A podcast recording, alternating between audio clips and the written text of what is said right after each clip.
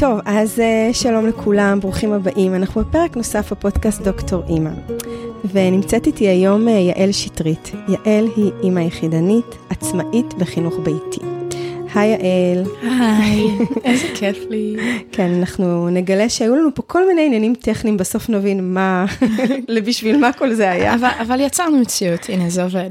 האמת היא שכן, הנה הצלחנו. אז אני, אני מאוד שמחה לפגוש אותך.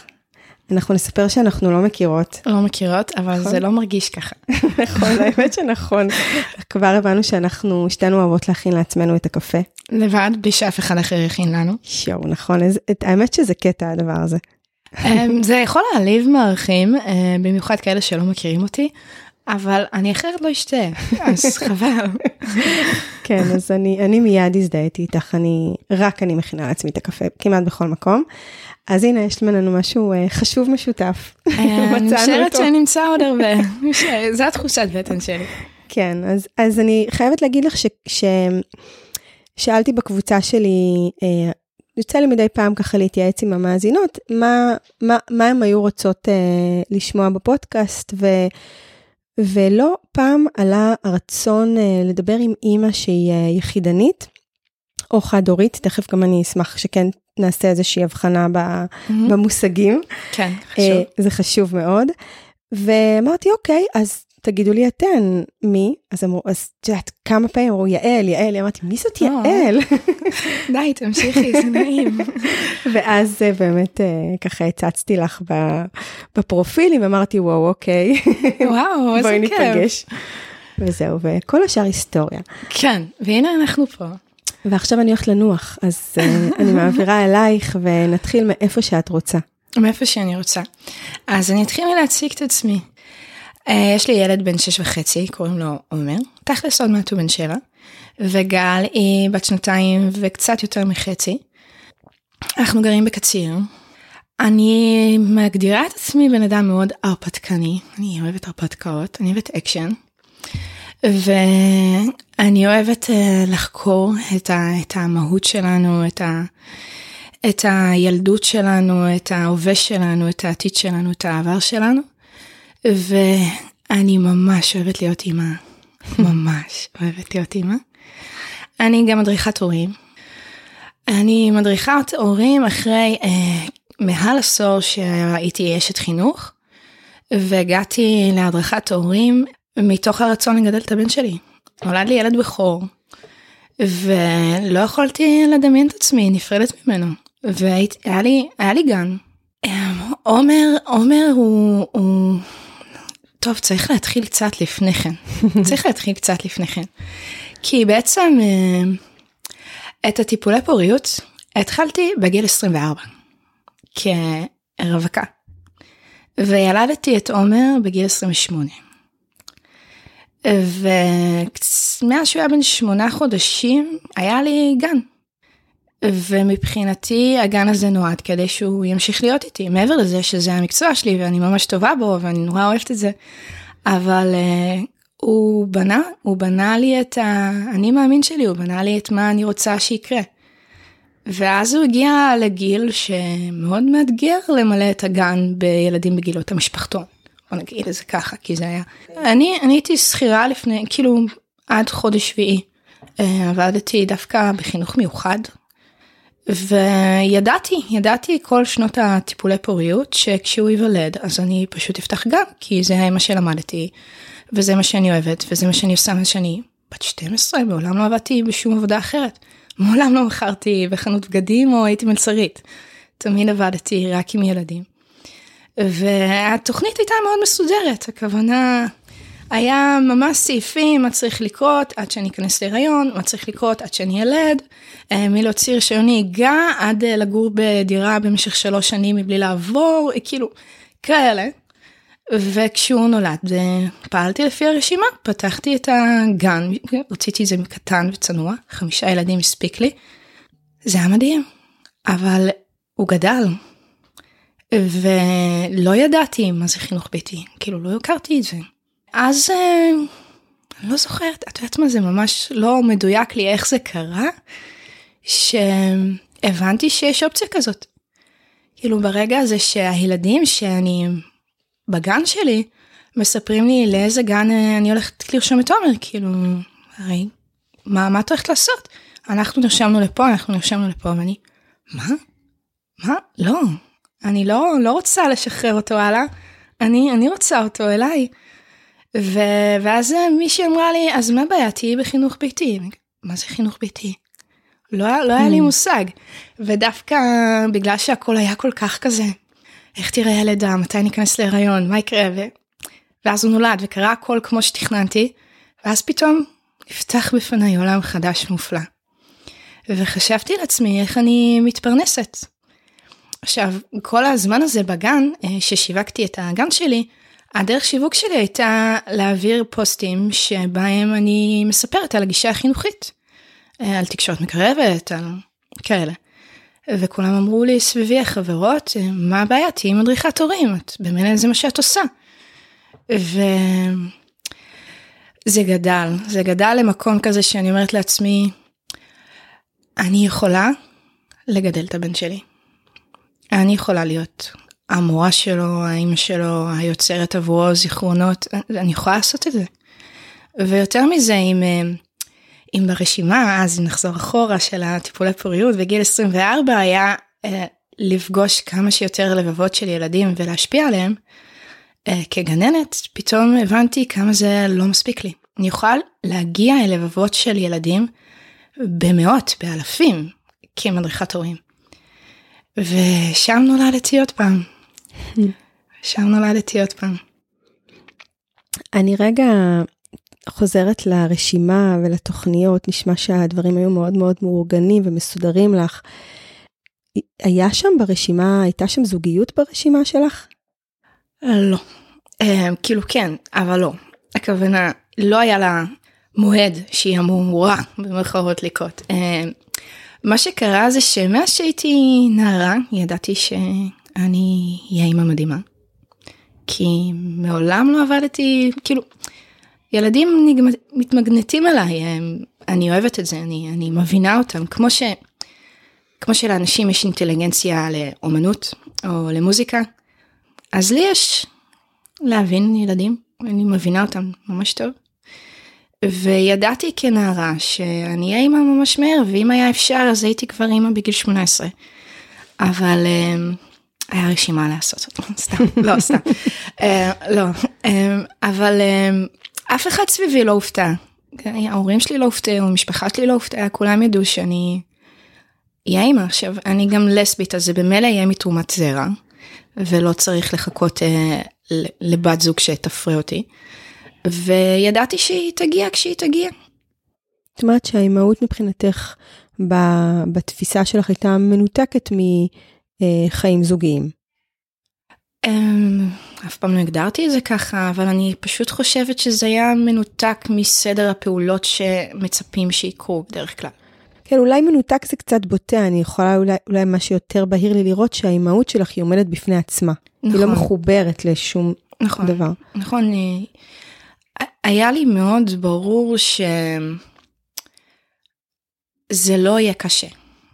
שטויות, כן, זה ממש קשה, אבל כאילו, זה לא, יש, זה לא בהכרח פח, יותר קשה לבד.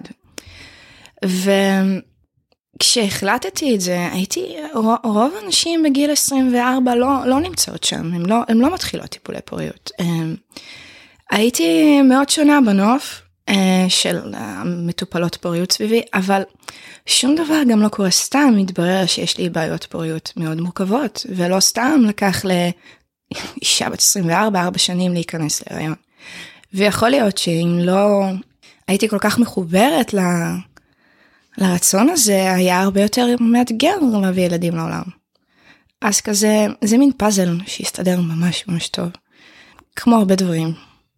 אבל זה, זה, זה היה הצעד הראשון שהתחיל להתבהר לי כמה יש לי שביל לדרוך עליו, והוא יש יעדים בו שהם לא יכולה אולי להבין אותם באותו רגע, אבל הם לא קורים סתם.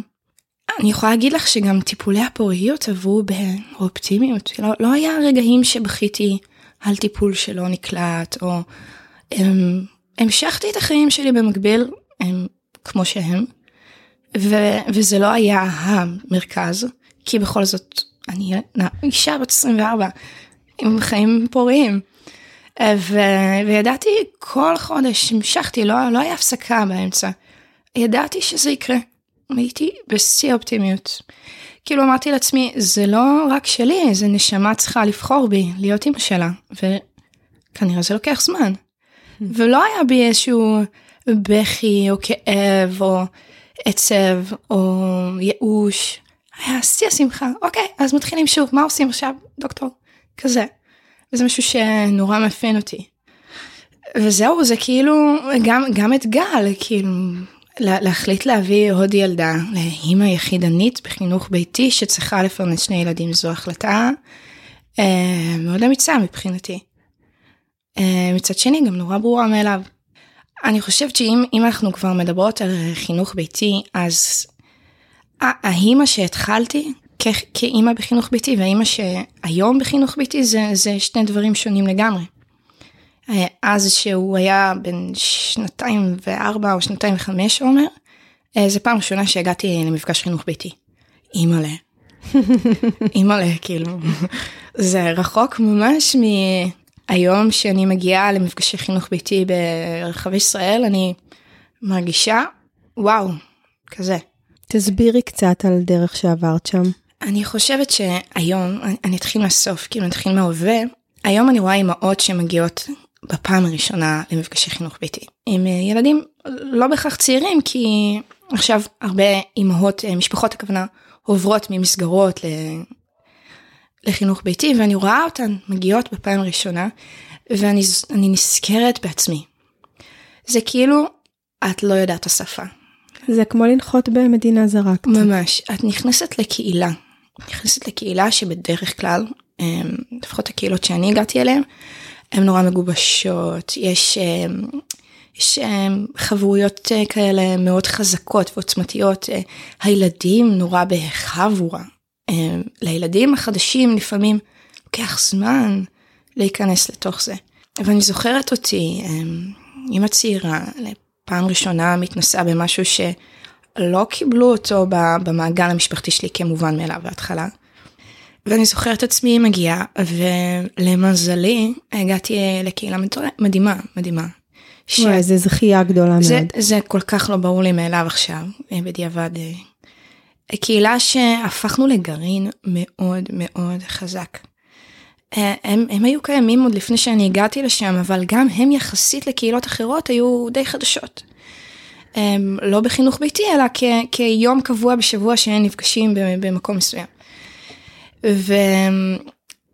והיום אני גרה במרחק אה, גדול יותר, כאילו, אני כבר לא גרה באותו אזור אה, שהתחלתי את החינוך ביתי, עברתי יותר צפונה, ועדיין הקשר איתם, בין הילדים, בין האימהות, בין, בין האבות, מאוד מאוד חזק. אנחנו יכולות להיפגש פעם בחצי שנה, וזה כאילו אתמול נפגשנו. ואני מסתכלת על האימהות שמגיעות היום, הנה היום, היום דיברתי עם משפחה שמגיעות דרכי הרבה פעמים, היי יעל אני רוצה להגיע למפגשי חינוך ביתי שלך, אני רואה בסטורי איפה, איפה אתן נפגשות? וזה, ו, והן מגיעות, אמ, ואני שומעת מהן שהן חוששות. הן חוששות, הן מספרות כאילו וואי ו- ומה יהיה ומה עושים ו- ואיך זה נראה וכמה הניסיון חושף בפנייך אה, מגוון אינסופי של אה, קהילות, של משפחות, של אה, גישות, של אה, חוויות, של חששות. אנחנו נוגעות פה באמת ב... באיזשהו נושא בתוך החינוך הביתי שהוא מורכב מאוד, שהוא נגעת בקהילה, זה מין איזה... כן. זה, כן. זה מאוד מורכב. אני יכולה להגיד שאני, כשאני רואה את המשפחות האלו שמגיעות פעם ראשונה, יש שם המון המון פגיעות. זוכרת שאנחנו הרבה פעמים בתוך הקבוצות אמרנו שכל קבוצה צריכה להחזיק איזושהי אימא פנויה בלי ילדים כדי לקבל את, ה, את המשפחות החדשות, כי לא פעם הייתה תחושה ש, שכל אחד כל כך עסוק ב, בעניינים, ובאמת אין איזה וולקאם מאוד מאוד uh, מתבקש. חייב, חייב מתבקש, זה כל כך. ואני יכולה להגיד לך שאני מרגישה ש... הרבה פעמים בא לי לשים את הכובע הזה, וזה לא תמיד מתאפשר. זה, נכון. כאילו, אני רואה גם עוד הורים, הייתי בכמה, הייתי בכמה אזורים, הייתי ברחובות, הייתי במודיעין, הי- בקציר, פרדס חנה, ואני רואה שיש המון רצון לזה. אבל זה לוקח זמן. בדיוק, וזה נראה לי הדבר הכי חשוב להגיד, נכון? נכון. שזה לוקח זמן, שאת את, את יכולה להיזכר בעצמך, אני גם יכולה להיזכר בעצמי בפעם הראשונה הזאת, בכל מיני הזאת. מקומות, בראשוניות, וה... ולדעתי המסר הכי חשוב, כמו שאמרת, זה, זה שזה לוקח זמן, ושלהמשיך להגיע.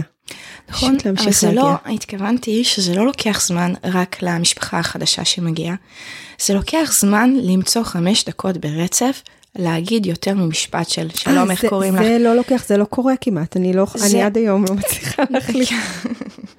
שיחות בהמשכים, זה לא, מלא הכרתי. מלא חלונות פתוחים כן. בתוך, אז איפה היינו? זה בדיוק זה.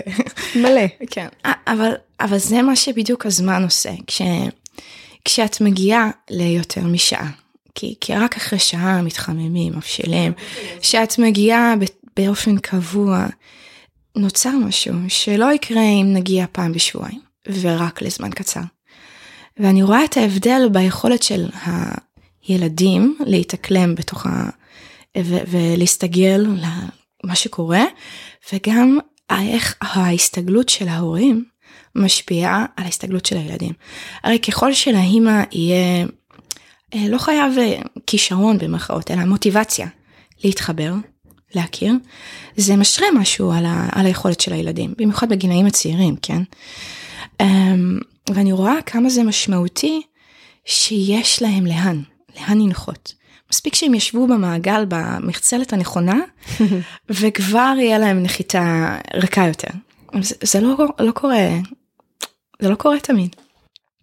נכון, ובאמת קהילה זה, זה נושא גדול ו, וחשוב בפני עצמו.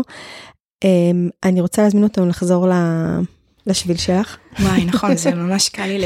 לא, גם לי. גם לי קל, את יודעת, זה כל כך אפשר, אנחנו יכולות לשבת פה עד מחר ולדבר על כל. כך הרבה אספקטים בחינוך ביתי, והכל יהיה רלוונטי ומעניין וחשוב, אבל את פה, וכאילו אני לא רוצה להרגיש ש- שלא, שפספסתי אותך. אז אה, דיברת על, ה, על הארבע שנים ועל האופטימיות שהייתה בך ועל הידיעה הפנימית הזאת שזה יקרה, שזה כל כך הרבה עוצמה וחיבור, אני מרגישה שם.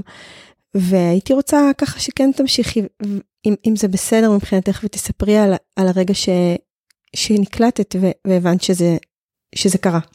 אז קודם כל, אתם יכולים לראות את זה בערוץ יוטיוב, כי הכל היה מתועד. הכל מתועד. הכל. אני, אני חושבת שהידיעה שנכנסתי להיריון זה, זה יותר היה שמח מיום הלידה. זה היה כאילו הרגע שבו uh, המהות שהגעתי לעולם, הסיבה שאליה נולדתי ליקום הזה, התממשה. וכולנו ידענו את זה, לא רק אני, זה היה נורא ברור. כל הצוות שהייתי אז אה, אה, מנהלת כיתה, וכל הצ... היה חשוף לעולם כולו. כאילו לא, לא היה משהו בלהצניע, הרבה פעמים נשים שעוברות טיפול פוריות עושות את זה כאילו לא מספרות מתי הייתה החזרה, מתי אני אמורה לדעת שאני בהיריון.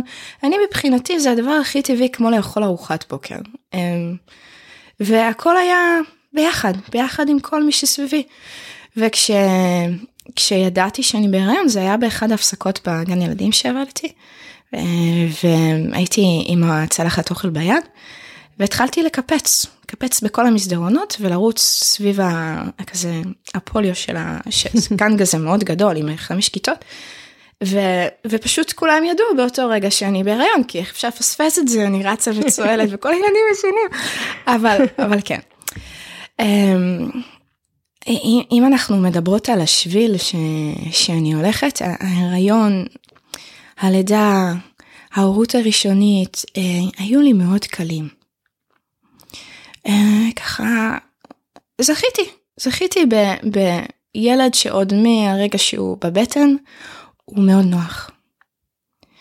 הוא עם מזג נוח, הוא מסתגל בקלות, הוא ישן כל הלילה, הוא יונק בקלות, וסליחה, סליחה לכל האמהות והאמהות. לא, אני פה מזיעה ואני אומרת, רגע, איך, לא. איפה זה? איפה? תשמעי, קיבלתי תיקון, יש לי גם אה, ילדה בת שנתיים. זהו, רציתי לשאול אותך אם הנחת הזאת אה, חלה גם על השנייה, אבל אה, הכל יחסי, הכל יחסי. רגע, אנחנו נגיע אליה. כן. עומר הוא לא ילד רגיל. מה שמיוחד במערכת יחסים שלי עם עומר זה שהיא עוד מהרגע שהוא בבטן, יש ביני לבינו מפגש מאוד מאוד עמוק. אימא זה עושה לבכות. אמ, מי שעוקבת אחריי היא יודעת. עומר הוא ילד שמשפיע על אנשים בכל העולם. אנשים קוראים את התיעוד שלי, אני מתעדת את השיחות שלנו, זה נקרא הגיגים לפני השינה. והוא מדבר על דברים מאוד מאוד גדולים כבר, כבר משהוא היה פעוט, על, על מהות החיים. ו, וזה התינוק שהוא היה גם. אנשים מסתכלים עליו והיו אומרים לי, מה, הוא לא בוכה? מה קורה פה? הוא, הוא בסדר? הוא פשוט מאוד נינוח. הוא, הוא בוכה, כן? פשוט לא ראיתם את זה, אבל הוא בוכה. הוא בוכה כשהוא נופל, אבל היכולת שלו להביע תסכול ורגש היו כבר מגיל מאוד צעיר גבוהים. ומה שהפך את ההורות היחידנית שלי אה, לשונה, אני חושבת. אני חושבת שמלבד זה שהגעתי להורות עם ארגז כלים מאוד גדול כמדריכת הורים, אה, קיבלתי ילד שאין לו רצון נגדי כמעט, אין לו התנגדויות, אין לו מקומות שהוא מתפרץ, או, או מביע זעם חסר שליטה. יש לזה חסרונות, כן? אבל יש לזה בעיקר יתרונות.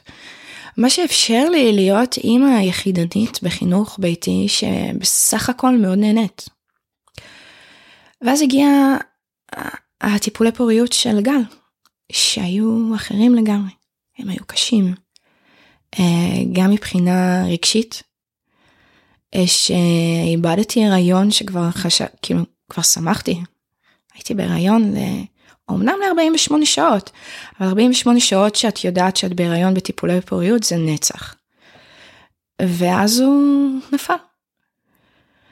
אה, וגם פה, אה, היה לי חלום שאל תדאגי, מיד אחרי זה יש לך בת ובסבב הבא, don't worry.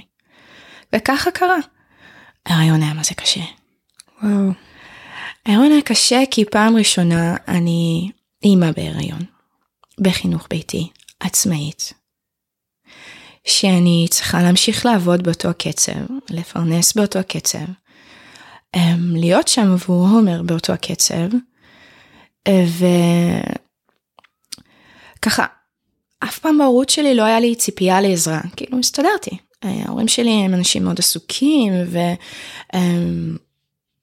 אין לי, אין לי בייביסיטר קבועה, או אין לי, כאילו ההורים שלי עוזרים כשהם לא באופן קבוע מגיעים להיות במקומי עם הילדים. וההיריון היה מציף בי פתאום לראשונה בחיי קשיים בהורות שלא הכרתי. אמ, להיות אימא יחידנית לשתיים בחינוך ביתי עצמאית זה שונה לגמרי. זה כיף, זה לא פחות כיף. זה ממלא, זה לא פחות ממלא. הארגז כלים שלי גדל והתעצם גם כי, כי, כי באופן התמקצעתי מקצועית, אה, המון שנים להתמקצע בהם, אבל עדיין אה, אני, אני פחות, אני פחות, הצרכים שלי פחות, המקום שלי פחות, השינה שלי פחות. כאילו מין אה, צרכים אה, בסיסיים אה, כאלה יומיומיים שמקבלים הרבה פחות מענה. מה שמרוקן את המכל, הכוונה, אם המכל עם עומר רוב הזמן המכל של הצרכים שלי היה די מלא. מטיפולי הפוריות וההיריון והלידה וההורות לשני ילדים, האיזון השתנה. עכשיו, אני לא אומרת את זה כמשהו פחות טוב או אז פשוט הייתה מציאות חדשה שהוזמנתי ללמוד את עצמי, את האימא שאני בתוכה. ואני יכולה, אני יכולה לומר הדבר שהכי ממלא אותי, שהכי נותן לי אמ, אושר, באמת, אושר הדמעות, זה המערכת יחסים בין גל לעומר. זה מערכת יחסים שמבחינתי היא המראה שלי. היא המראה שלי להורות, לתא ההיקשרותי שלנו, למשפחה שאנחנו, למה שאני מאחלת לנו, למה שקורה לנו. עכשיו, הם רבים, הם מתווכחים, הם, יש ביניהם מריבות, אבל רוב הזמן לא. תספרי קצת על המערכת היחסים הזאת. אני חושבת שזה מתחיל, מתחיל כשגל נולדה. בן כמה עומר היה אז? בין ארבע וארבעה חודשים, אבל זה היה קצת אחרי שהיא נולדה. זה היה שלושה חודשים אחרי שהיא נולדה. אמ, עומר, אה, היינו במיטה, הלכנו לישון, אנחנו בלינה משותפת. אמ, הלכנו, הלכנו לישון ועומר אה, מתיישב ומתחיל לבכות. ואני שואלת אותו מה קרה, והוא אומר לי, אמא, אני לא יכול. מה, ממי, מה קורה? אני, נכון הילדים שרבו היום שהיינו בטיול, אני לא יכול לדמיין שזה יקרה לי ולגל. והוא אמר, אני, אני, יכול, אני, אני יודע שזה לא יקרה, אבל אני גם לא רוצה לדמיין את זה, שזה אולי יקרה. אני לא יכול לדמיין את זה שאנחנו נריב, אבל אני עוד יותר לא יכול לדמיין את זה שאנחנו נריב עם הגוף. כאילו, הוא הראה את, את האגרופים. כי הוא, הוא, ראה, הוא ראה ילדים רבים, והוא... זה פגש אותו באחות הקטנה החדשה שלו. וזה נורא מאפיין את המערכת יחסים שלהם. קודם כל אומר ש... עומר הוא ילד שלא לא רב, הכוונה, הוא, הוא מעולם לא היכה, הוא מעולם לא צעק על מישהו מלבדי, כן? שזה טוב, תודה לאל. אמ, אבל הוא יודע נורא להביע את הכעס שלו, אמ, הוא יודע נורא, הוא, הוא, הוא יודע לדבר במילים, יודע לפתור בעיות. וזה יתבצע ככה אה, גם במערכת היחסים שלהם. הוא, הוא נורא מחפש אה, לבדוק למה היא פועלת כמו שהיא פועלת. נגיד, אה, הוא יכול לראות, טוב, זה, זה חלק מהעבודה שלי כמדריכת הורים, התיווך הזה שיכול להיות שהיא כתינוקת משכה לך עכשיו בשיער כי היא רוצה שתתייחס אליה. ומאז שהיא נולדה אנחנו מחפשים אחד בשני את הכוונה הטובה שמפעילה אותנו. והוא ככה, ככה הוא פועל גם באינסטינקט הטבעי שלו. אה, תשמעי, היום שהיא מפתחת את האני שלה בפני עצמה, והיא בת שנתיים וחצי בו יש לה רצונות ויש לה um, הרבה פחות יכולת לווסת את עצמה uh, לעומת עומר שמאוד מווסת את עצמו. ולכן היא יכולה להיות אימפולסיבית ואגרסיבית. אז, אז יש לו הרבה יותר תסכולים מולה. Um, ובכל זאת הם מאוד מאוד אמפתיים אחד כלפי השני. ואני חושבת שזה המהות אה, של החינוך ביתי עבורי. אה, דיברנו על קהילות ודיברנו על כמה חשוב אה, להשתייך ולהרגיש שם בבית. אה, ואני זוכרת את עצמי כאימא בפעם הראשונה בחינוך ביתי, כמה היה חשוב לי להרגיש חלק מקהילה, להיות פעילה בתוכה. היום אני מבינה שזה לא העיקר. הכוונה, הייתי אומרת, אי אפשר לקיים חינוך ביתי בלי קהילה, בלי שבט. את עדיין אומרת את זה? אני אומרת את זה לעיתים. אני אומרת את זה לעיתים, אה, אני מרגישה ככה, אבל אני חושבת שאי אפשר לקיים חינוך ביתי כל עוד בתוך התא ההיקשרותי שלנו, בתוך התא המשפחתי הקרוב, אין כל הזמן הזמנה להסתכלות, לעבודה, העבודה שלי לא ללמד את הילדים חומר פדגוגי, לא, זה לא העבודה שלי. העבודה שלי זה ללמד את הילדים לנהל מערכות יחסים. אה, להתקיים במערכות יחסים, להתקיים בתוך תא כשרותי. העבודה שלי בחינוך ביתי, מה שלדעתי אה, מסגרות לא יכולות לתת מענה לזה, זה מענה לצרכים. מענה לצרכים הרגשיים, הפיזיים, ההיקשרותיים, להרגיש שייך, להרגיש משמעותי, להרגיש, אה, להרגיש שרואים אותי, להרגיש שמכירים אותי. וזה לא רק מולי, זה לא רק מול ההורים של הילדים האלה, זה מול האחים, מול, מול השבט, אבל קודם כל בפנים, בבית. אה, אני להגיד את האמת, יש ימים שאם אני לא מדברת עם עוד בן אדם מבוגר, אני יכולה לדפוק את הראש בקיר. כי אני לא יכולה להיות רק עם שניהם 24/7. אני צריכה עבורי מענה חברתי. אה, כמעט יומיומי. אבל הם, הם לא בהכרח מה ש... זה מה שהם צריכים. אה, והאימא הזאת שהלכה עם ילד בן שנתיים וארבע פעם ראשונה למפגש חינוך ביתי לא ידעה את זה. זה היה מין מקום כזה לייצר לו חיי חברה, לייצר לו חברים, לייצר לעצמי חברים. אה, זה לא אומר שהיה פחות טוב בתוך התא ההיקשרותי בבית, אבל היום אני מבינה שהמהות של החינוך ביתי עבורי היא לא בהכרח להיות חלק משבט, מקהילה חזקה, קהילה פעילה, אלא להיות בתוך העוגן אה, החזק בבית, וזה ממש לא פשוט. את רואה את הדברים בצורה מאוד מאוד בהירה. כאילו, כשאת מדברת על הדברים הם מאוד מאוד ברורים ומאוד בהירים. את מביאה איזה קצת מוצר מוגמר כזה, כי זה באמת, זה הדבר. דיברת על מערכות יחסים אל מול פדגוגיה, את יודעת, בסוף אמ, משהו שאני מדברת עליו כל כך הרבה זה שגם מבחינת ההתפתחות האישית שלי, אני חושבת שלא הייתי מגיעה לכאלה מקומות לא בסיטואציה של אימא בחינוך ביתי, אני חושבת שהאימהות בחינוך ביתי הביאה אותי לאיזשהו level התפתחותי שהוא מבחינתי הזמנה והזדמנות מאוד מאוד גדולה בגלגול הזה. זה מאוד מאוד התחבר לי כשדיברת על זה, וכשדיברת על מערכות יחסים, בעיניי לקחת את הליבה, ליבה, ליבה, את הגרעין הקטן שנמצא, שהוא האור של הכל, שהוא הדבר, וככה הנחת אותו בצורה מאוד מאוד אה, פשוטה כמעט. איזה אה, מרגש. ו... ואת יודעת, אני שומעת אותך ואני אומרת, את גם מלווה הורים ואת גם פוגשת המון אנשים. ואיך את מתייחסת לאנשים שהם, או איך זה שאת פוגשת אנשים שהם לא במקום הזה, כי רוב האנשים לא נמצאים שם, איפה שאת מתארת. הם עסוקים בדברים אחרים, דברים אחרים מטרידים אותם, הרבה פעמים יש מיסוך של רעשים, ויש מין תחושה שכמעט זה חלק מהמתנות שהגעת איתם, שהדברים הם בהירים. תראי, אני פוגשת המון המון משפחות, גם בהיותי בחינוך ביתי, שאנחנו פוגשים המון משפחות במהלך השנה, שבאים אה, המון שבילים אחרים או דומים או, או, או בכלל לא.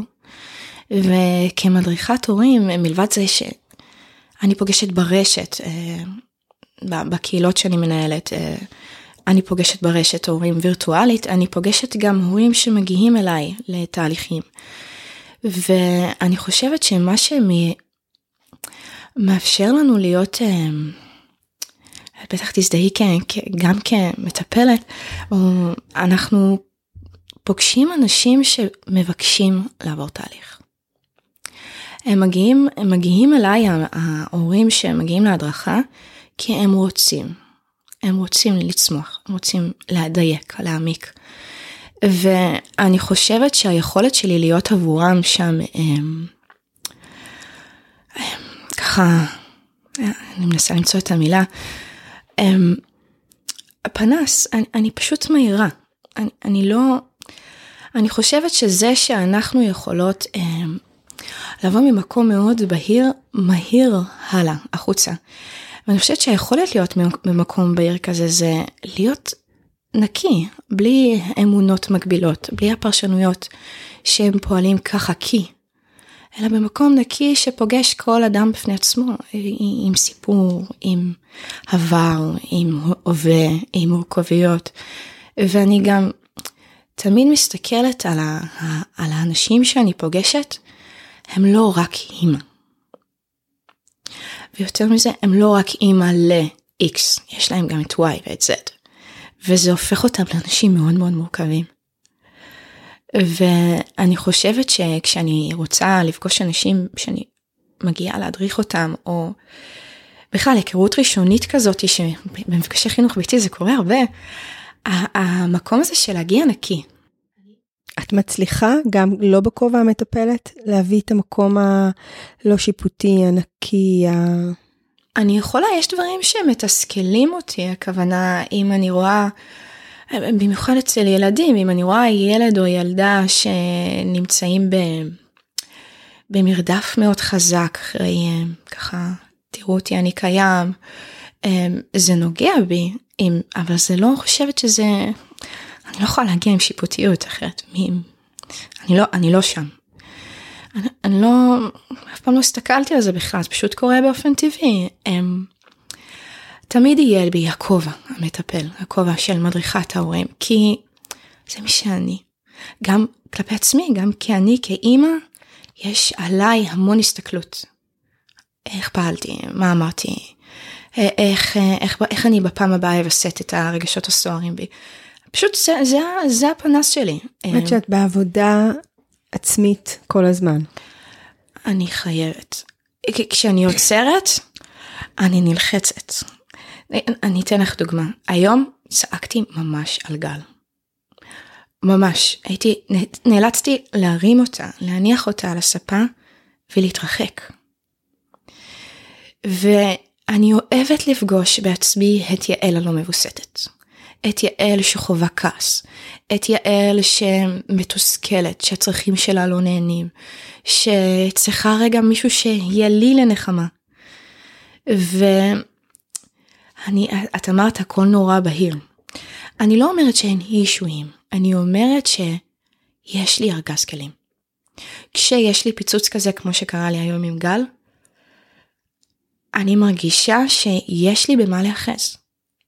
יש לי המון במה להיאחז.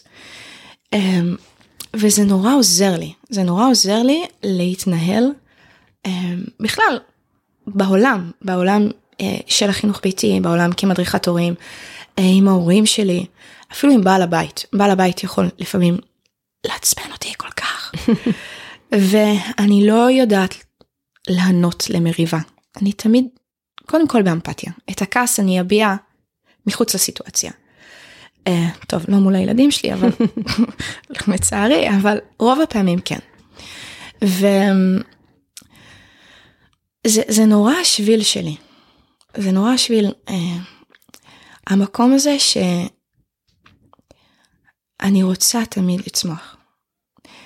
ואני חושבת שאם כבר דיברנו על זה שגל הביאה לי משהו חדש, משהו חדש להורות, מקום שיש לי יותר רגעים של עצל.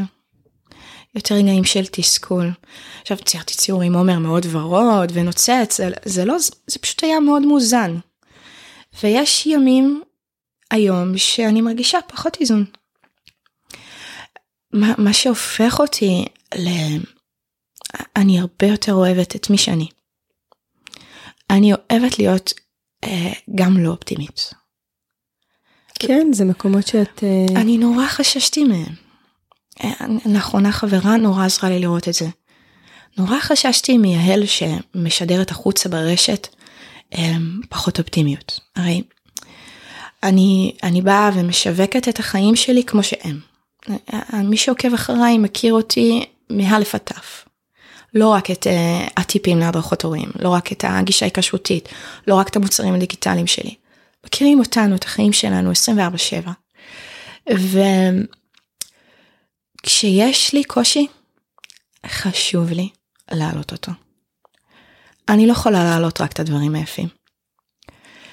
ואני חושבת שהבחירה לעשות את זה לפני, ככה בתחילת הדרך עם גל הייתה לא פשוטה. כי פתאום לא היה איזון. לא היה גם וגם. היו שבועות שהיה בעיקר קשה.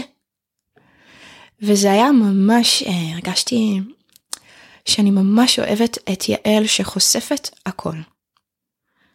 הנה אני, אני, אני מביאה לרשת, לקהילה שלי, לאנשים שעוקבים אחריי, את החיים כמו שהם.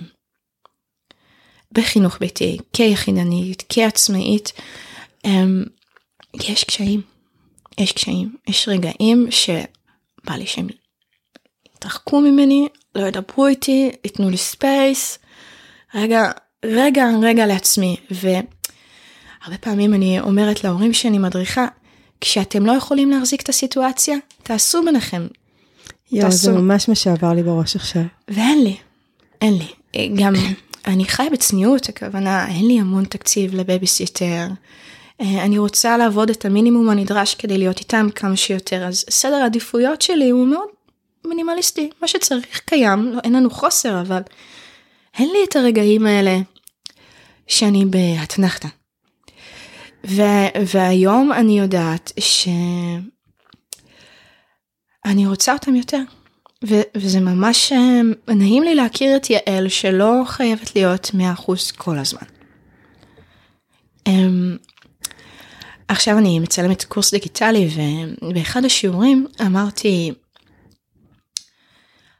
הקורס הזה לא פותר את ההתנגדויות של הילדים, את ההתקפי זעם שלהם, את האגרסיביות שלהם, את הרצון שלהם לא לעשות את מה שאתם אומרים.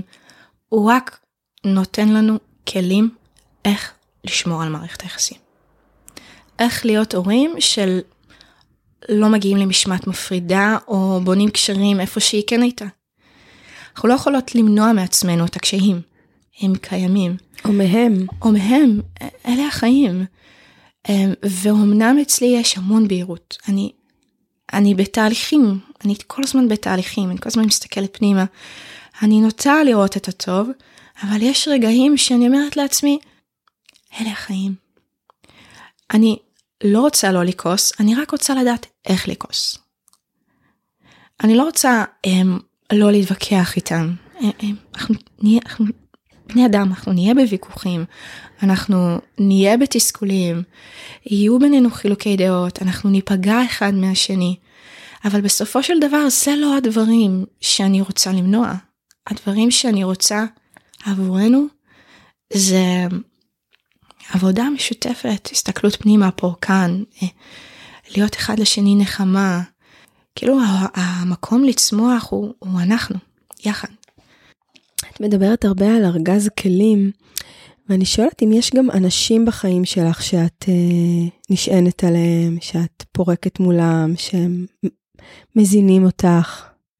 וואו, אני חושבת שהם בדיוק בחודשים האחרונים, אני עובדת על זה. תראי,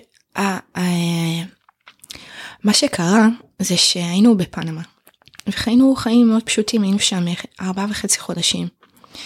ואיך שעבדתי הספיק לנו לשפע מאוד גדול, חיים שם נורא זולים.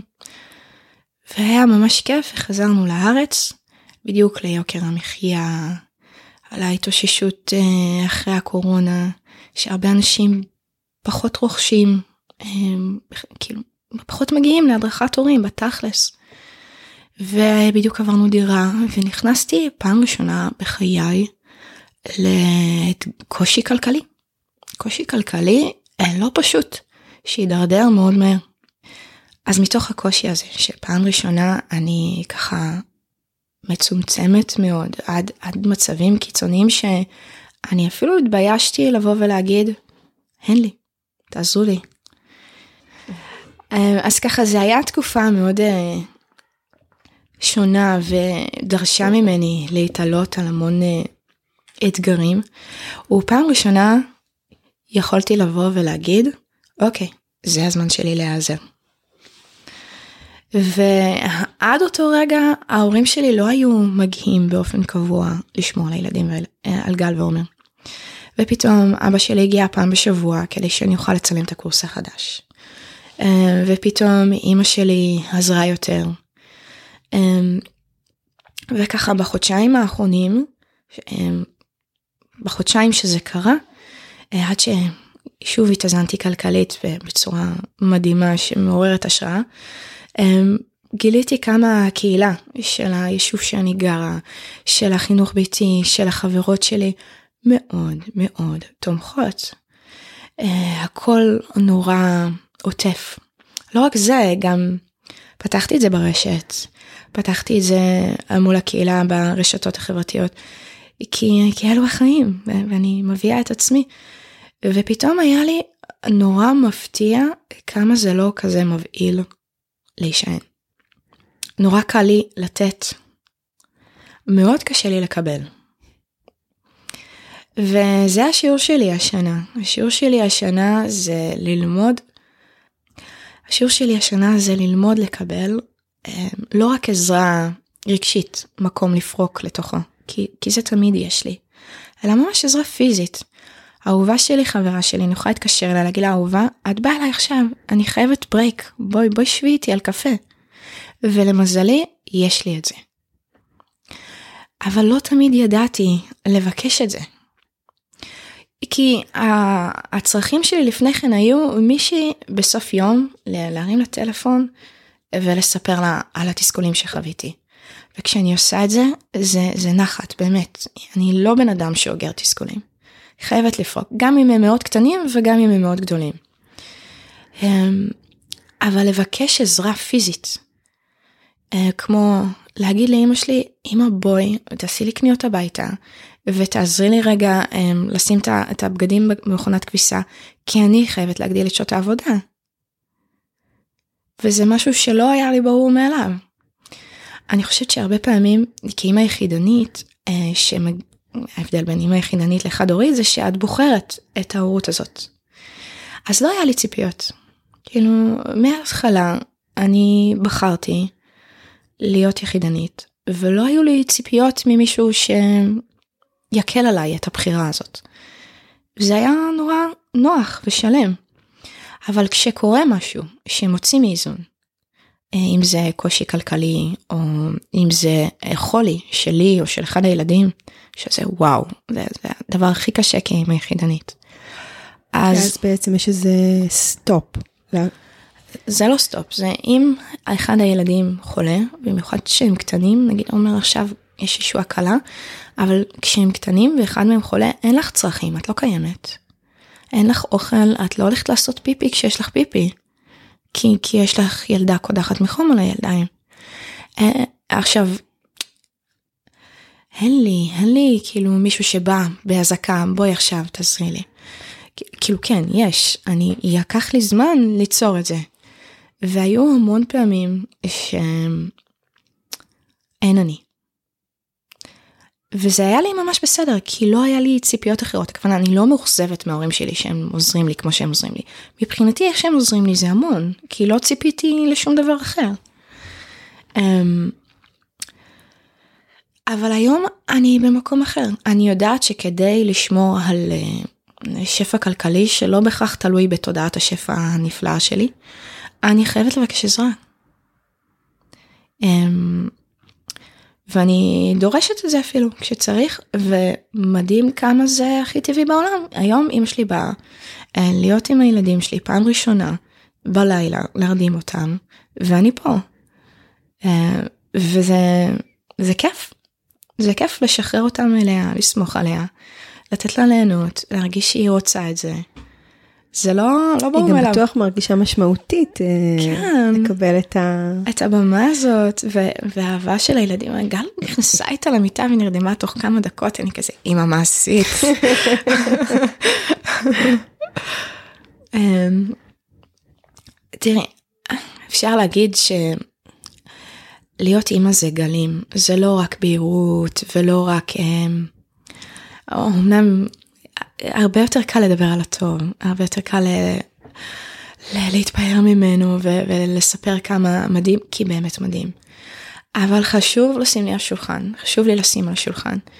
יש גם קושי, ויש תקופות שהן לא העיקר, אה, אבל יש גם תקופות מאוד מאוד קשות. נגיד הקורס הזה עכשיו שנולד, הקורס דיגיטלי ש... שצילמתי אותו וערכתי אותו, וזה עבודה מאוד מאוד קשה. אמ, כאימא יחידנית שיש לי מינימום שעות עבודה, כלומר אני עובדת בלילות, אבל אני חייבת לצלם את זה באור יום מבחינתי, ופתאום המערכת יחסים שלי ושל עומר השתנתה, ושל גל. זאת אומרת, הייתי הרבה פחות זמינה אליהם, לא רק פיזית, גם רגשית.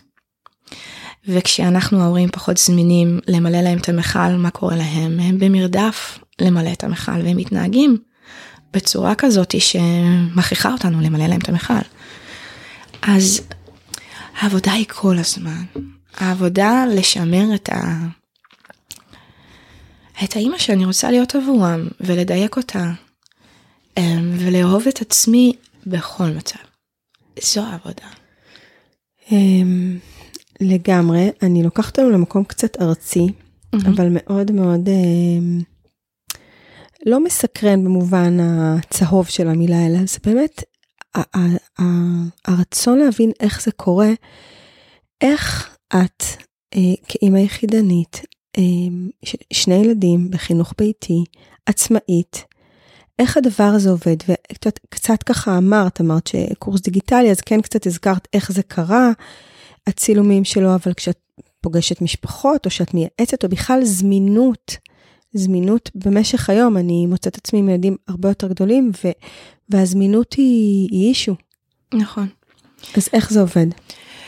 אמ, טוב, זה לקח לי זמן להגיע למקום שבו אני נמצאת היום, כאילו כשכל עסק חדש לוקח לו זמן להרוויח בצורה כזאת שתממן ותקלקל אה, משפחה. אמ, אבל מה שקורה היום זה שכשחזרנו מפנמה ששם לא היה צריך להרוויח הרבה כי נורא זול שם, אז uh, הייתי צריכה להרוויח הרבה יותר uh, פה בארץ ממה שלפני שטסנו. וכשהיית בפנמה מה עשית? איך, איך הסתכרת? Um, יש לי מוצרים דיגיטליים, um, יש לי סדנאות וקורסים והרצאות דיגיטליים, אבל uh, גם הדרכתי בזום. את האמת שהדרכתי פחות מישראל, אלא פתאום הגיעו לי המון uh, משפחות מכל העולם, מקנדה, אוסטרליה, ארה"ב, כי איכשהו הרשת מוציאה את זה החוצה אחרת. אמ, אה, אוקיי, בוא נעשה סדר. בהתחלה להתפרנס היה מאוד קשה. אבל לפרנס אימא צעירה וילד בן שנתיים זה הוצאות אחרות מלפרנס אימא אה, לילד בן שש, שבע וילדה בת שנתיים. כי ככל שאנחנו גדלים ההוצאות גדלות כאילו חוגים אנחנו נוסעים בתדירות יותר גדולה גם דלק עולה אוכל עולה אמ, הבית צריך להיראות אחרת. אז באמת בהתחלה זה לא היה מאוד קשה להתפרנס כי לא הייתי צריכה הרבה. אה, מלבד זאת שהשפע שלי מרגיש גם מכלום, הכוונה אני לא צריכה חופשות או הם, אמ, הם בגדים חדשים או נעליים נוצצות. ההוצאות שלי מאוד מינימליסטיות ואני מרגישה בשפע.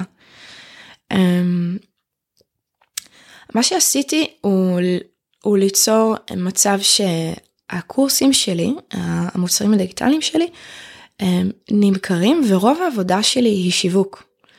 ומה שאני משווקת זה את עצמנו. הכוונה, אני מתעדת את החיים שלנו, אני כותבת עם מה אני מתמודדת, אני מספרת על ההורות שלי, ונוצרה לי קהילה מאוד מאוד גדולה. נוצרה קהילה שבה אנחנו, אני מרגישה שהעוקבות שלי הם, הם חלק מהחיים שלי, הם, אנחנו נפגשות מאוד עמוק המפגש ביני לבין העוקבים. וזה מאפשר לי כלכלית להתקיים, כי הן רוצות עוד ממני. מלבד זאת שהמשבר האמיתי אני אגיד את זה ככה, היכולת להתפרנס כעצמאית היא לא קבועה. זאת אומרת שיהיו חודשים בשנה שאני ארוויח מספיק, ויהיו חודשים בשנה שאני ארוויח כמעט מספיק, ויהיו חודשים בשנה שאני לא.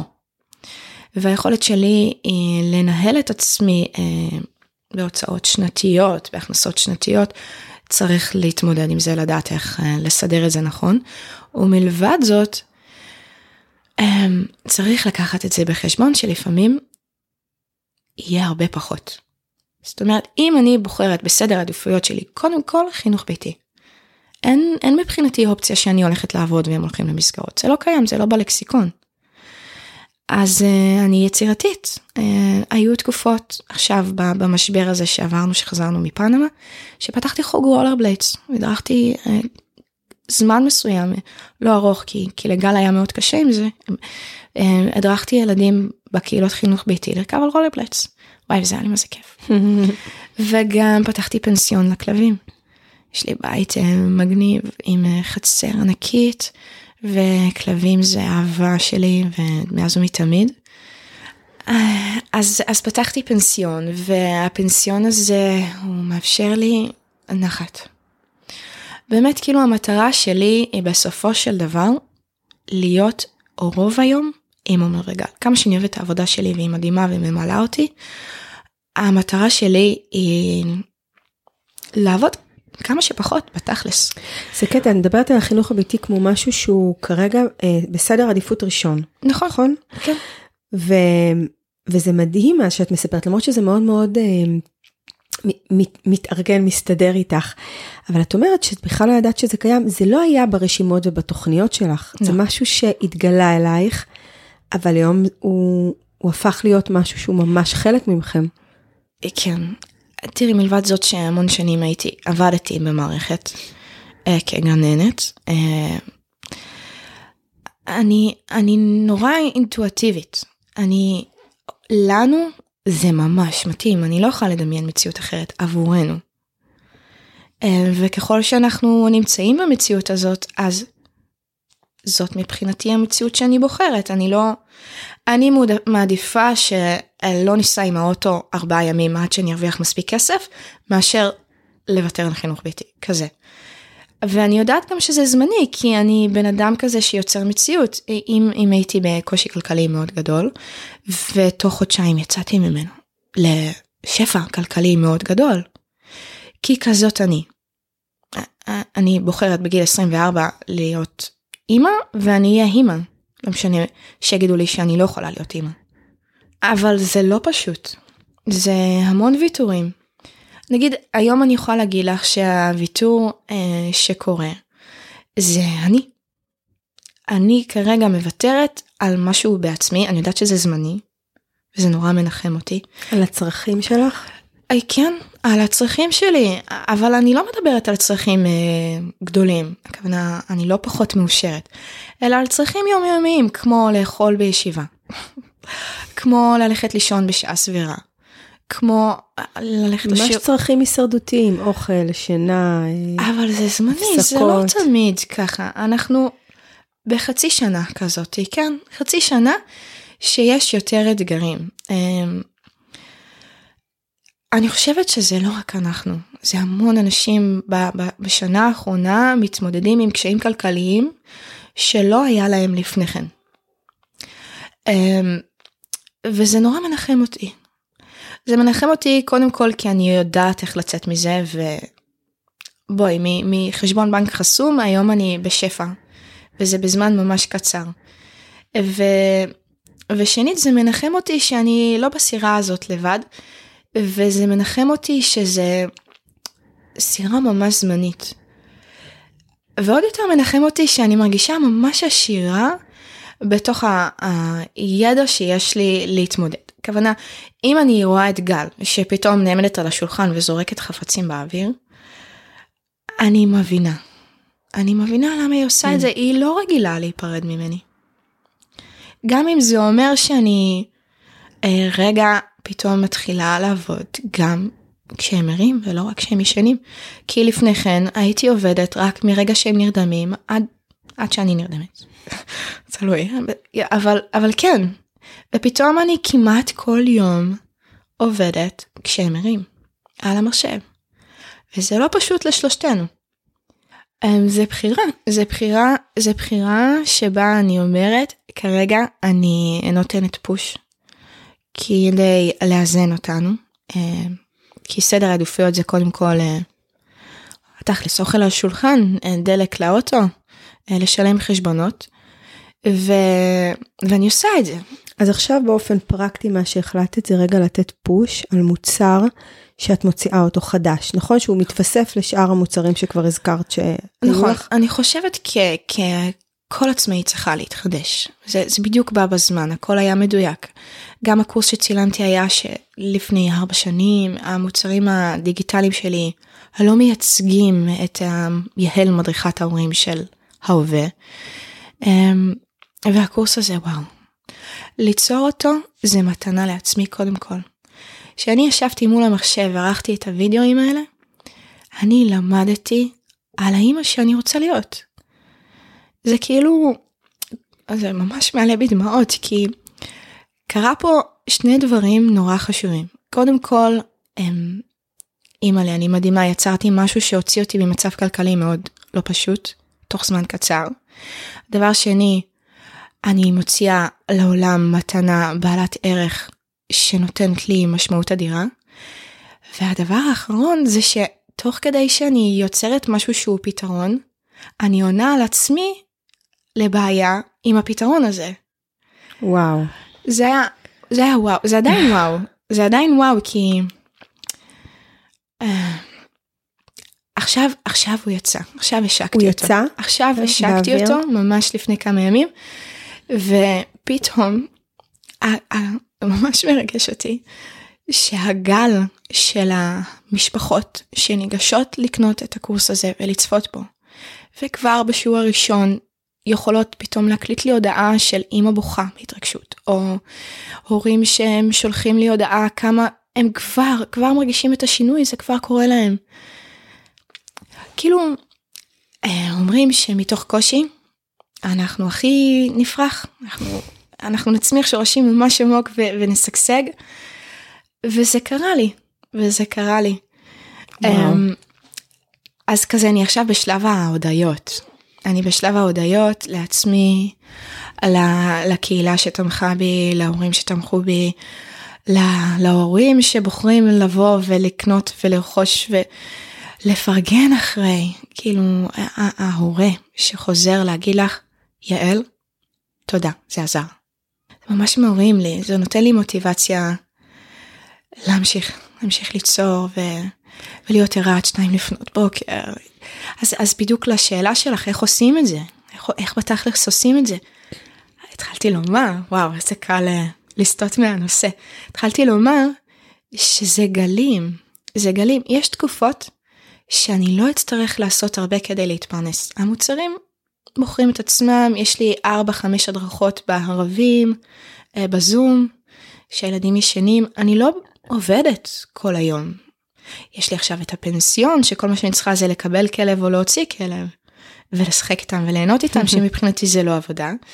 אמ, אז, אז יצרתי לי מצב כזה, שרוב הזמן אני לא עובדת מאוד קשה. אני משתפת על החיים שלי, אני מעלה המון תוכן שהוא הוא גם עוזר, הוא גם כאילו נותן כלים, אבל אני בעיקר מציגה את האתגרים בהורות שלי. כן, אבל מה שמרתק אצלך שמצאת איזשהו סיסטם שיווק שהוא מאוד מאוד אותנטי ומאוד מתכתב עם החיים שלך, ואין פה איזשהו מאמץ, אה, אין פה מאבק בשיווק, אין פה מאמץ, את פשוט, את אומרת שזה שיווק, כי את כנראה בעיניים פקוחות, מדברת על זה ומבינה איך הדבר הזה עובד, אבל בסוף, כמו שאת אומרת, הכלבים מגיעים ואני נהנית איתם, זה לא עבודה, אז נשמע שגם ככה עובד לך השיווק, יכול להיות? כן, אני, אני לא רק מדריכת הורים, אני גם יוצרת תוכן. אחד הדברים שאני מאוד אוהבת זה לצלם וידאו, לערוך וידאו ולכתוב. וזה מאז ומתמיד, הכוונה עוד לפני שהייתי מדריכת הורים היה לי ערוץ יוטיוב. עוד לפני שהייתי צריכה לשווק את עצמי כעצמאית, אה, כתבתי המון. וזה נורא עונה לי על, אה, תוך כדי שאנחנו מדברות, אני חושבת על הצרכים של יעל, לא כאימא ולא כמדריכת הורים, אלא כבן אדם, כאישה שרוצה להתפתח אה, פנימה, עמוק פנימה. וזה בדיוק זה, היצירה שלי היא פה. אני לא מרגישה שזה עבודה, למרות שלפעמים זה יכול להיות קשה. קשה שדורש המון ריכוז או המון סבלנות אה, לערוך רילס אה, שצריך לכתוב לו כתוביות. זה מעצבן לפעמים. כי זה הכל נורא קטן. כן, אבל, אבל אני חושבת שיש לי את הנוסחה שמתאימה לנו, אבל אני מציינת שוב, אני לא רוצה להרוויח הרבה כסף. אין לי, אין לי סכומים שנכנסים כל חודש בעשרות אלפים, זה לא הכיוון שלי בכלל. אני רוצה ממש להרוויח את המינימום נדרש כדי ליהנות. כדי ללכת uh, למוזיאונים או לקמפינג שבועיים בפארק הירדן. כאילו, אני לא, אני לא קונה בגדים כמעט, אני לא הולכת למסעדות או בתי קפה. אני יכולה להרוויח יותר אם אני ארצה לעשות את הדברים האלה. אבל אני לא, אני, ממש נעים לי הפשטות, ממש נעים לי פשוט ליהנות. Um, אני זוכרת שילדתי את תומר, ואז uh, היינו כזה ארבע אמהות בחופשת לידה, והן היו צריכות לחזור לעבוד. ואני אומרת, מה, אבל הלוואי, הלוואי שהיה אפשר פשוט, שזה יהיה העבודה שלי. שמעכשיו עד עולם אני פשוט אהיה איתו, ולא אצטרך להרוויח כסף. ואני חושבת שאני אוהבת לעבוד, אבל אני לא אוהבת את העניין שצריך להרוויח מזה כסף. הייתי עושה אותו דבר, גם אם זה לא היה בכסף, כי המינון, הכמות שבה אני עובדת, היא לא גדולה. עכשיו כן, עכשיו ממש כן. כי, כי ליצור מוצר דיגיטלי הוא גדול, הוא רחב, הוא המון סרטונים, הוא המון תוכן להקליט, אבל זה זמני. וההדרכות ממשיכות, והפנסיון ממשיך, ואני חושבת שאני גם אמשיך ליצור אה, עוד מוצרים דיגיטליים, כי זה כיף, זה באמת כיף. אה. זאת אומרת שהמוצר ש... שיצרת, גם כתבת את התוכן אליו, זאת אומרת גם ארגנת אותו, גם צילמת אותו, נכון? וגם ערכת, וגם ערכת אותו בעצמך. נכון. וגם ו... שיווקת אותו, נכון? העלית אותו לפלטפורמות ו... וגם קורס, גם כל, ה, כל העניין הזה של המצגת, וואו, זה הדבר הכי קשה בעולם. זה ממש, זה כאילו אני מוצאת את הדברים שגומרים עליי. אני מוצאת אותם. שזה זה, המצגת? אה, אני ממש, אני דיסלקטית. וכל כל העניין של אה, טעות כתיב ולהתנסח נכון, ו... הרבה יותר קשה לי בכתב. אה, כאילו, בארגון, תחשבי שיש שם מעל 200 שקופיות, כי זה... אז למה בחרת לעשות את זה ככה? למה לא פשוט סרטון שאת מדברת בו? קודם כל, את צודקת, אין לי מושג מה נפל עליי, אבל אני רואה כמה זה משמעותי. כן. כאילו, האימהות שאומרות לי שמיד הדפסנו את המצגת, ותלוי לי הרשימת צרכים על המקרר, וזה שסיכמת לי מה זו טכניקת הדיאלוג, או מה זה טכניקת חמש האצבעות, זה, זה, מול, זה מולי. היה לזה ערך, אוקיי. היה לזה ערך. אבל מה שמייחד מוצר דיגיטלי זה שיש תקופה בחיים שאת נגמרת עד 2-3 לפנות בוקר, אימא'לה, לסיים אותו, וזהו. ואני ממש בפינישים שלו, אני עושה לו תיקונים קטנים, אני עדיין עובדת עד 2-3 לפנות בוקר לפחות 5 פעמים בשבוע, וזה מאוד קשה. ואני לא רוצה לעשות את זה. הכוונה, אני, עבור הילדים, עבור עצמי, אני בתפקוד הרבה פחות. כן. אבל זה גם כיף, כי הסיפוק מאחורי זה הוא מאוד גדול. מלבד זאת, אני מודה ומתוודה שאני גם לוקחת רטלין בימים שאני עובדת. אני לוקחת רטלין, וזה גם לא, לא כיף, אבל זה מאוד יעיל. אני יודעת שזה זמני, אבל זה מאוד מאוד יעיל. אני יכולה לעבוד עד 2-3 לפנות בוקר בריכוז מאוד גבוה. אמ, את מוצאת ממש את ה... גם פה, בתוך ארגז הכלים שלך, את כל מה שיעזור לך. כן, זה, זה מזכיר לי, אה, יש לי עוד אה, הרבה חברות יחידניות בחינוך ביתי, מתברר, או חד-הוריות או יחידניות, וזה מדהים עד כמה היכולת שלנו לסדר את סדר העדיפויות שלנו מאפשר לנו להתקיים בתוך הבחירות שלנו. אבל את לא מרגישה שזה נכון לכולם? נכון, אבל פה אין לך הרבה בחירות. זאת אומרת, אם בחרת חינוך ביתי, את המפרנסת היחידה. אז את צריכה לבחור להתפרנס. ואת צריכה לבחור עד כמה שפע כלכלי את רוצה. יכולה להרוויח את המינימום ואת יכולה להרוויח את המקסימום. אז אני אאתגר אותך. אני אגיד לך שלפעמים, אני, אני סומכת על אה, בן הזוג שלי שהוא מספיק מפותח להבין מה אני אומרת פה, אבל לפעמים אה, בטח בהורות ראשונית, אה, יש תחושה, הייתה לי לא פעם תחושה, שזה היה הרבה יותר קל לבד. את מבינה מה אני אומרת? כן, כן.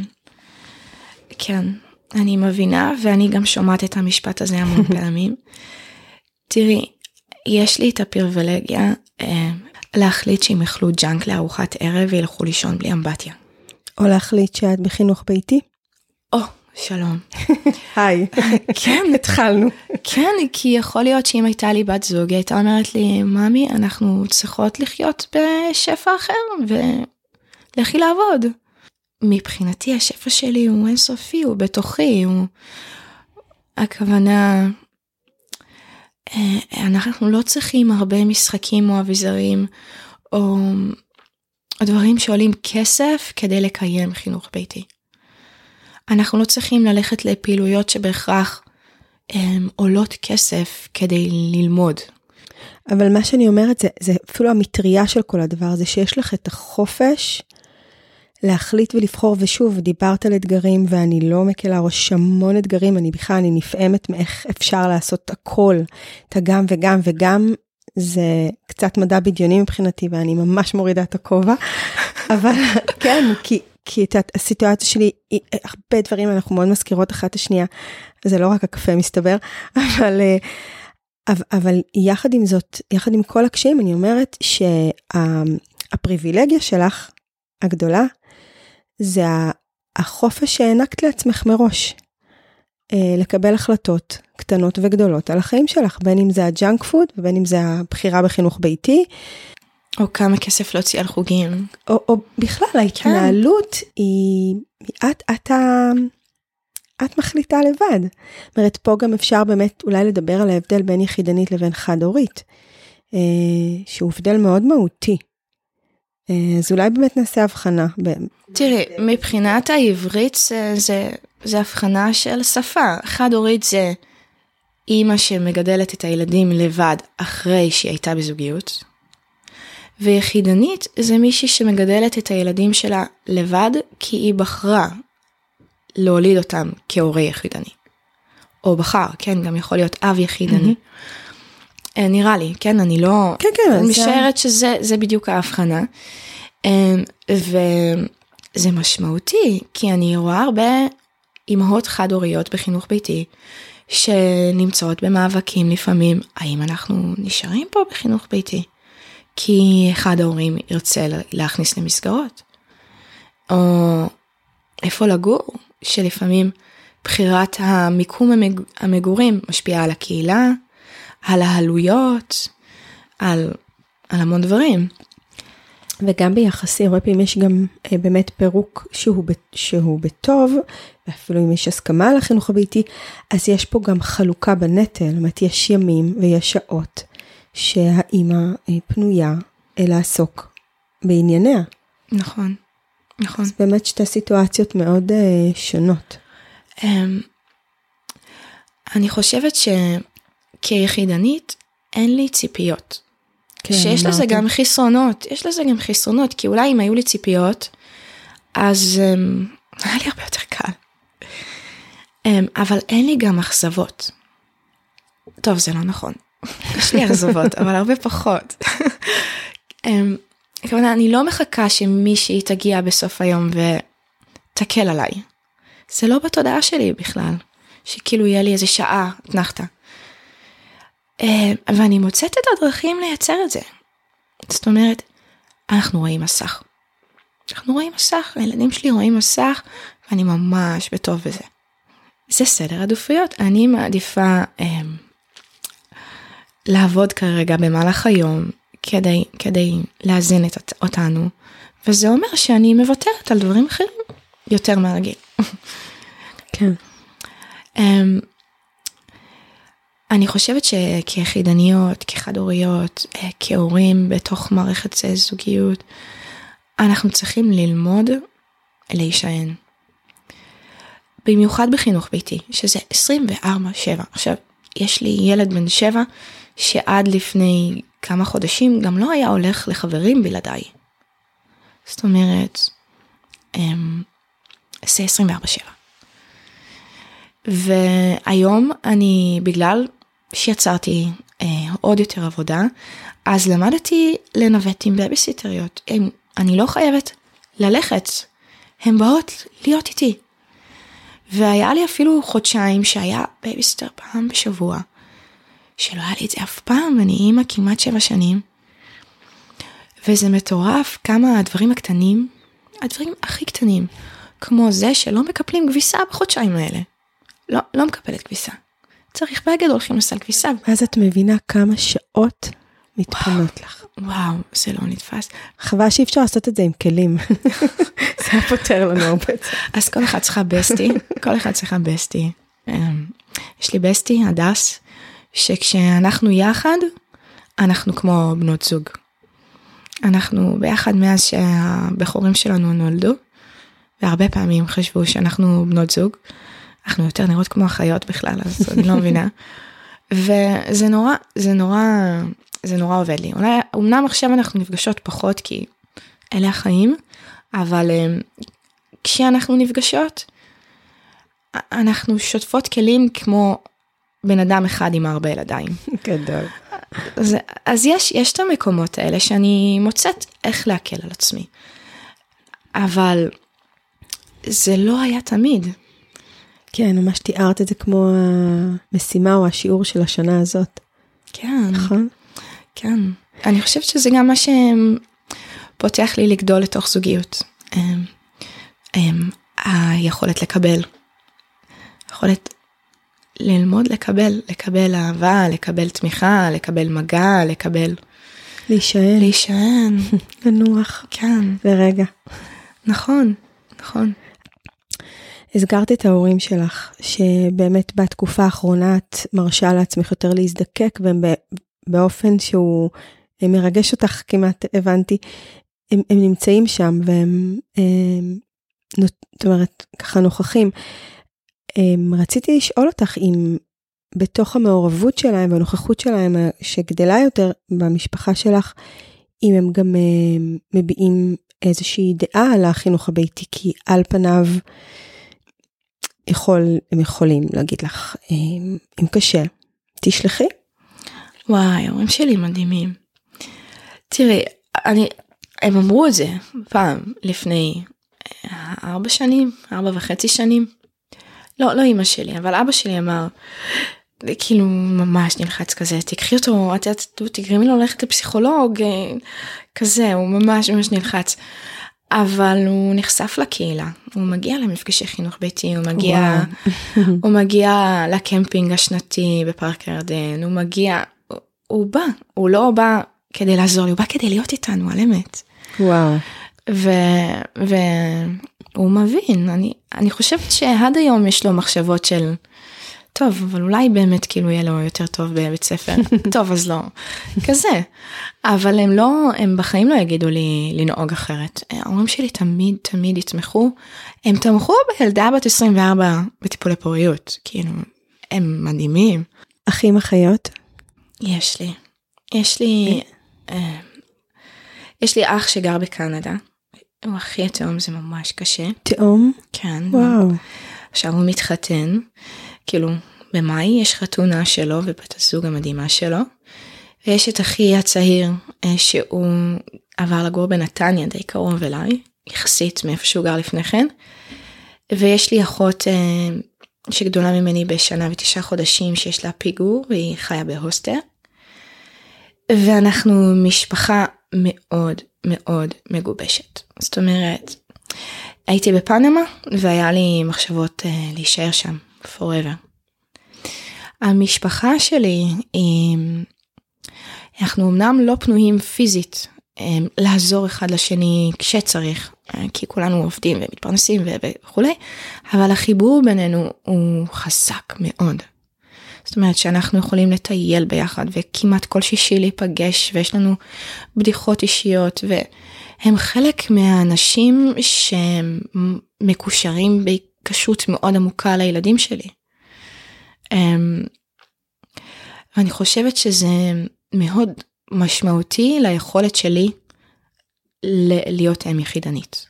זאת אומרת, אם יחידנית שאין לה תא משפחתי חזק שיכולים אה, להרים טלפון נתקענו עם פאנצ'ר עד אה, לבכות אחד לשני. זה, זה נורא עוזר לי להיות אימא יחידנית בחינוך ביתי. וואו זה מאוד חשוב מה שאת אומרת. נכון כי כי בסופו של דבר המשפחה שלי היא.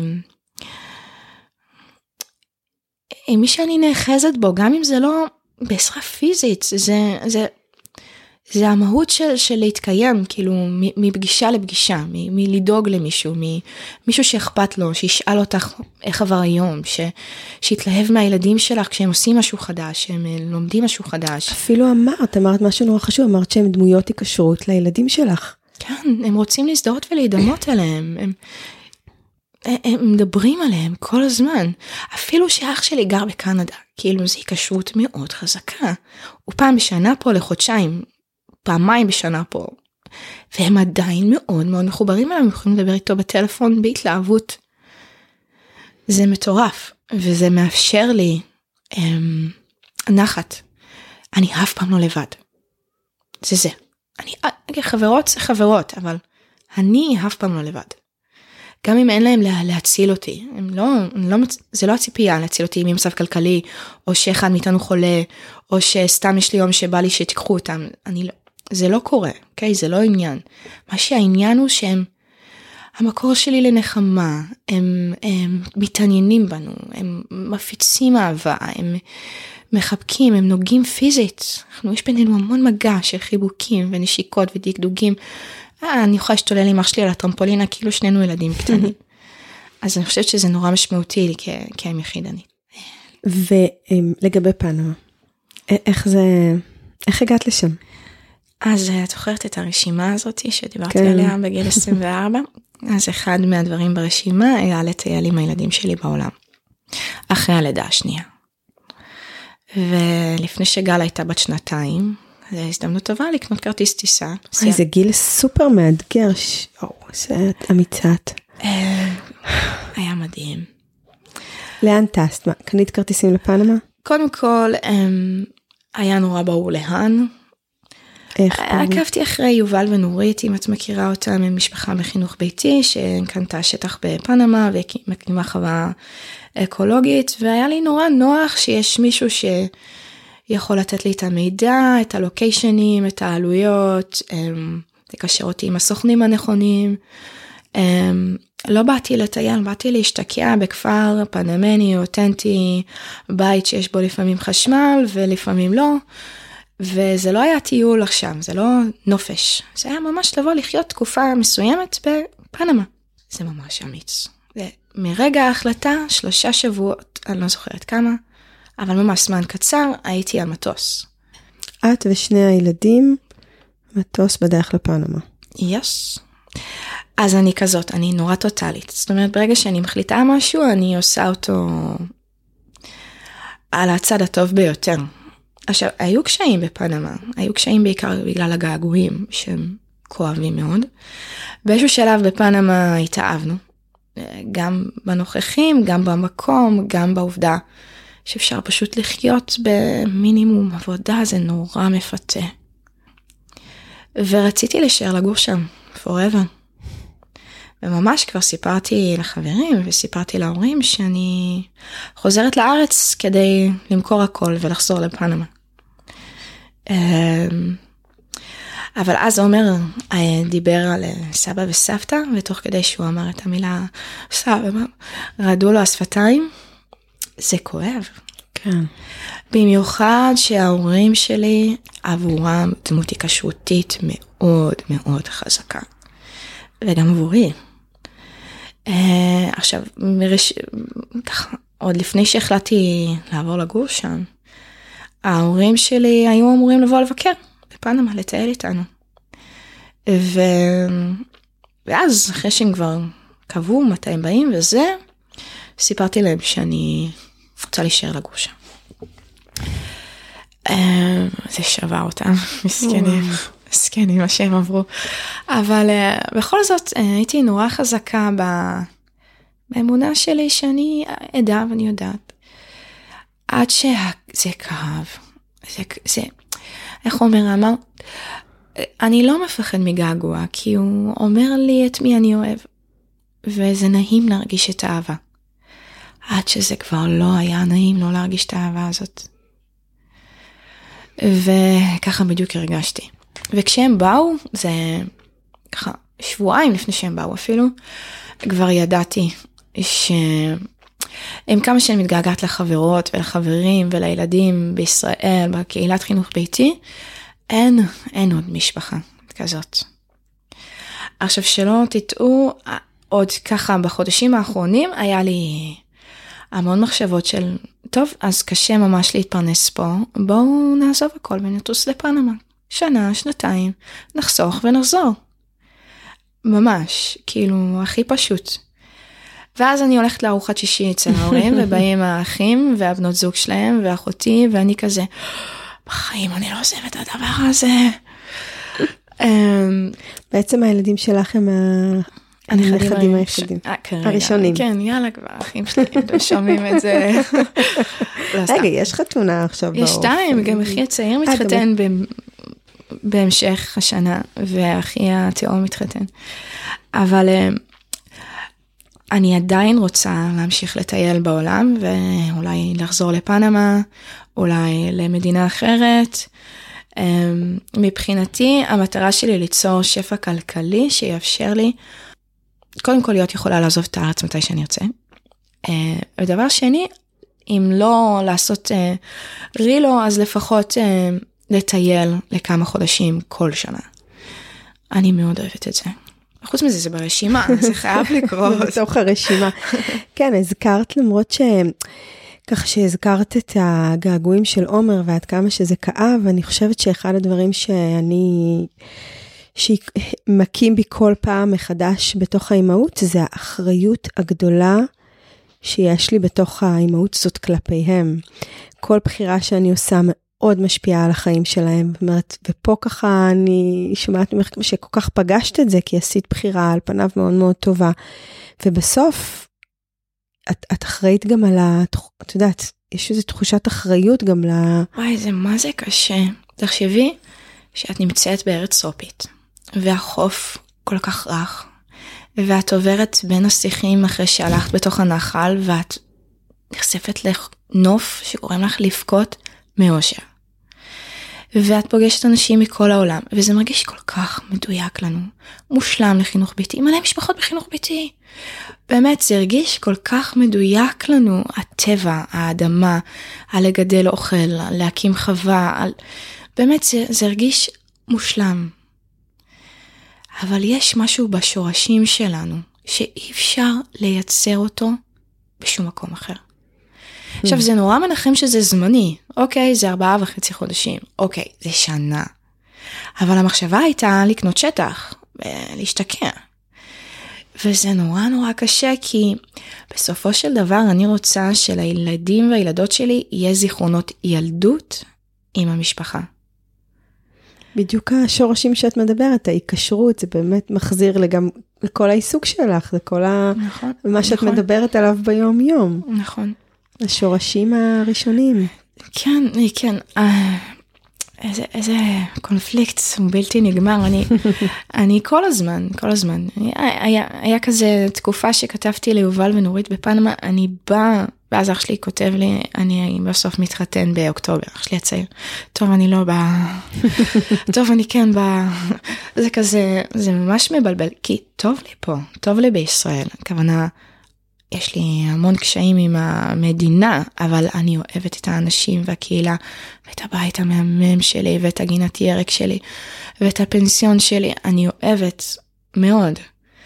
אבל הנחת שחוויתי שם, נחת אה, קיומית אפילו, היא ממכרת. זה מין חופש, חופש להיות, חופש לבחור, אין הרבה אילוצים. זה נורא ממכר, זה מסוכן אפילו כמה שזה, וואו, שזה זה לא אשליה, זה באמת ככה, הכל נורא פשוט, ממש פשוט, הולכים יחפים וכמעט ערומים, כזה.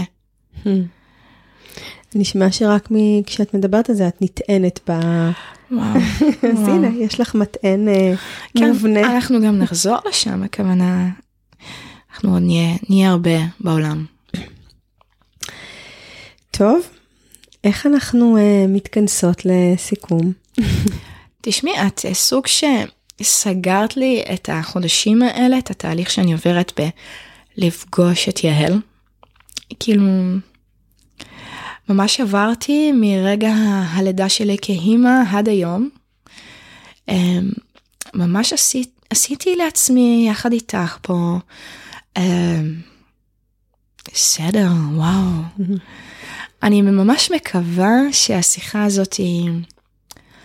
אה, תיתן לכל הורה באשר הוא אה, שבוחר בחירות, לבחור לייצר לעצמו מציאות.